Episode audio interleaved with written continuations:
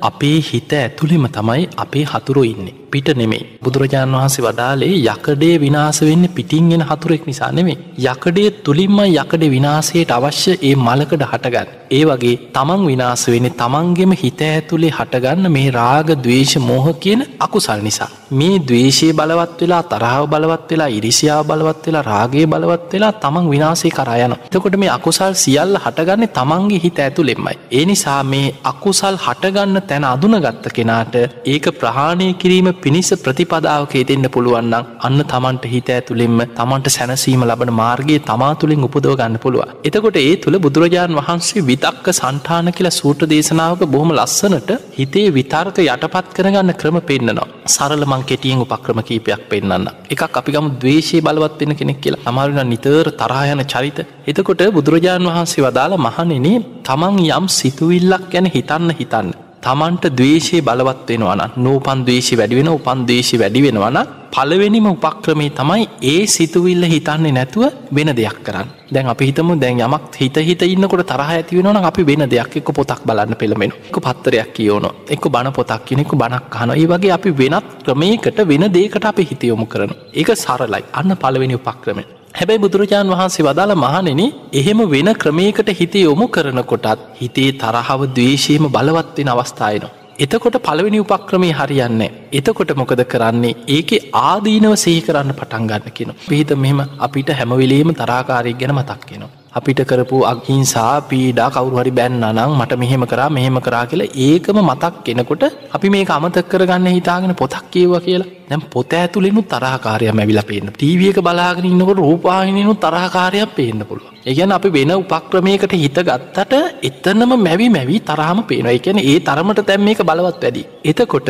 ආදීනව මෙනෙහි කරන්න කියන ආදීනව සහි කරනවා කියන අපි හිතනවා මේ දවේශය නිසාමං කොච්ච රපායගිහි ලැද්ද තරහාව නිසා මං කොච්චර සසරි දුක්විඳල ඇද සමල්ලාට පිහියනුම් කාල ඇති මැරුම් කාල ඇති මේ දවේශයෙන් ගත්ත තීර නිසා මං කොච්චර සසරි දුක්විඳල ඇද යකඩේක හටගන්න මලකඩ යකඩයක් විනාස වෙනවා වගේ දවේශය නිසා මාවමනේද විනාසුවෙන් මම මෙහෙම ඉඳලා දවේශයෙන් ඉඳලා මැරුණොත් මං අපායයි නේද? අන්නේ විදිහට තමන් ගැනම ආදීනව මෙනෙහි කරලා දවේශහිත නැති කරගන්න කියලා අන්න දෙවනි උපක්‍රමය පෙන්න්න. හැබැයි බුදුරජාණන් වහන්සේ වදාළ මහනෙනි සමහර පුද්ගලො ඉන්නවා ඔය උපක්‍රමය හරියන්න ඒ තරමට දවේශය වැඩි එකන සමහරු ඉන්නවන මෙහෙමනේ මං අපාය ගියත් කමක්නේ. එහෙම කොටසක් ඉන්න. ඒ කියන්නේ අර තරහා හිතට ඇතිවුණට පස්සේ කෙලෙස් බලවත් වනාට පස්සයා හිතනවා තරාකාරයකින් පලි අරගෙන මට මොනවුනක් කමන්නේ. මං මරාගෙන මැරෙනවා. මං මුංග මරල අපායගයක් කමන්නේ. එහෙම හිතන ඉන්න. එතකොට යාට ආදීනව සීකල වැඩන්න මොකද අපායන්නත් කැමති. එතකොට ඒ මට්ටමට දවේශය බලවත්නම් බුදුරජාණන් වහන්සේ වදාලා තවත් උපක්‍රමයක් තියෙන. ඒ උපක්‍රමේ තමයි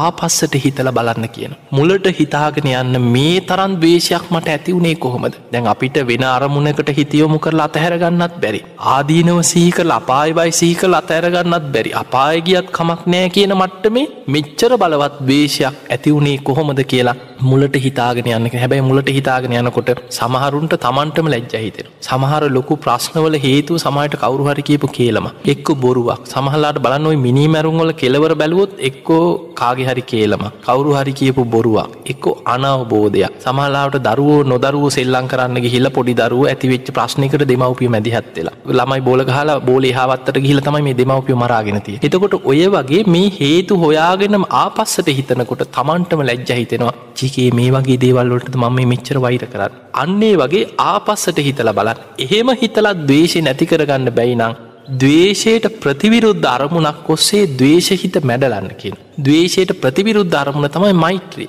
මෛත්‍රී සිතෙන් දවේශහිත මැඩලන්න කිය.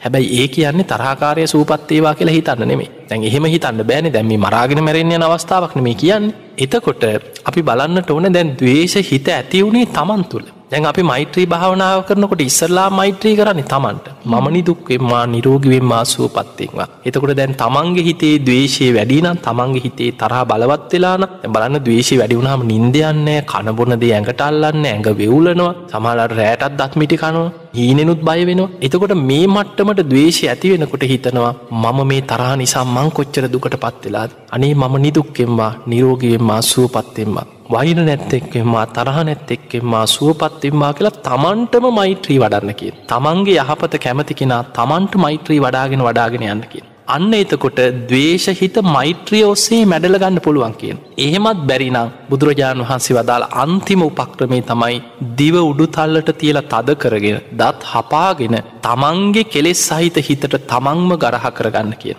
බනින්න කියන්නේ තරහකාරයටනම අපි බනින්න තරහකාරයට බුදුරජාණන් වහන්සේ පෙන්න්නන්නේ හතුරයින්නේ තමන් තුළ ඒ නිසා තමන්ගේ හිතට තමන් බැනගන්න කියනවා ඒ හිත උඹමාව අපායට ගෙනියන්න දහතන්න. ඒ හිත උඹමාව නොමග ගිහිල උඹමාව දුගතිය හිලන්න දහදන් මේ සසරේ කොච්චරන නුබමාව දුගතියට ඇදලදා නැද්ද කියලා තමන්ගේ හිතට තමන් බැනලා ගරහ කරලා තමන්ගේ හිත මැඩලගන්න කිය. එතකොට අපිට පේනොත් තරහකාරය ඉන්න තමන් තුළ අපි දුක්විනින්නේ අපි හඬන්නේ අපි වැලපෙන්නේ අපි සසරි දුක්වින් දනම් මේ සියල්ලට හේතුව තමන්ගේ හිතේ තියෙන රාග දේශමෝහාදී අකුසල් තමන්ට පාලනය කරගන්න බැරිවීම. ඒ නිසා තමන්ගේ හිත පාලනය කර ගැනීම පිණිස ධර්මානු කූල මේ උපක්‍රමය දන්න පුළුවන්න බොහෝදුරට තමන්ගේ හිත සැනසීමක් උදා කරගන්නවා කියන එක තමන් තුළින්ම මතු කරගන්න පුළුවන් කාරණය.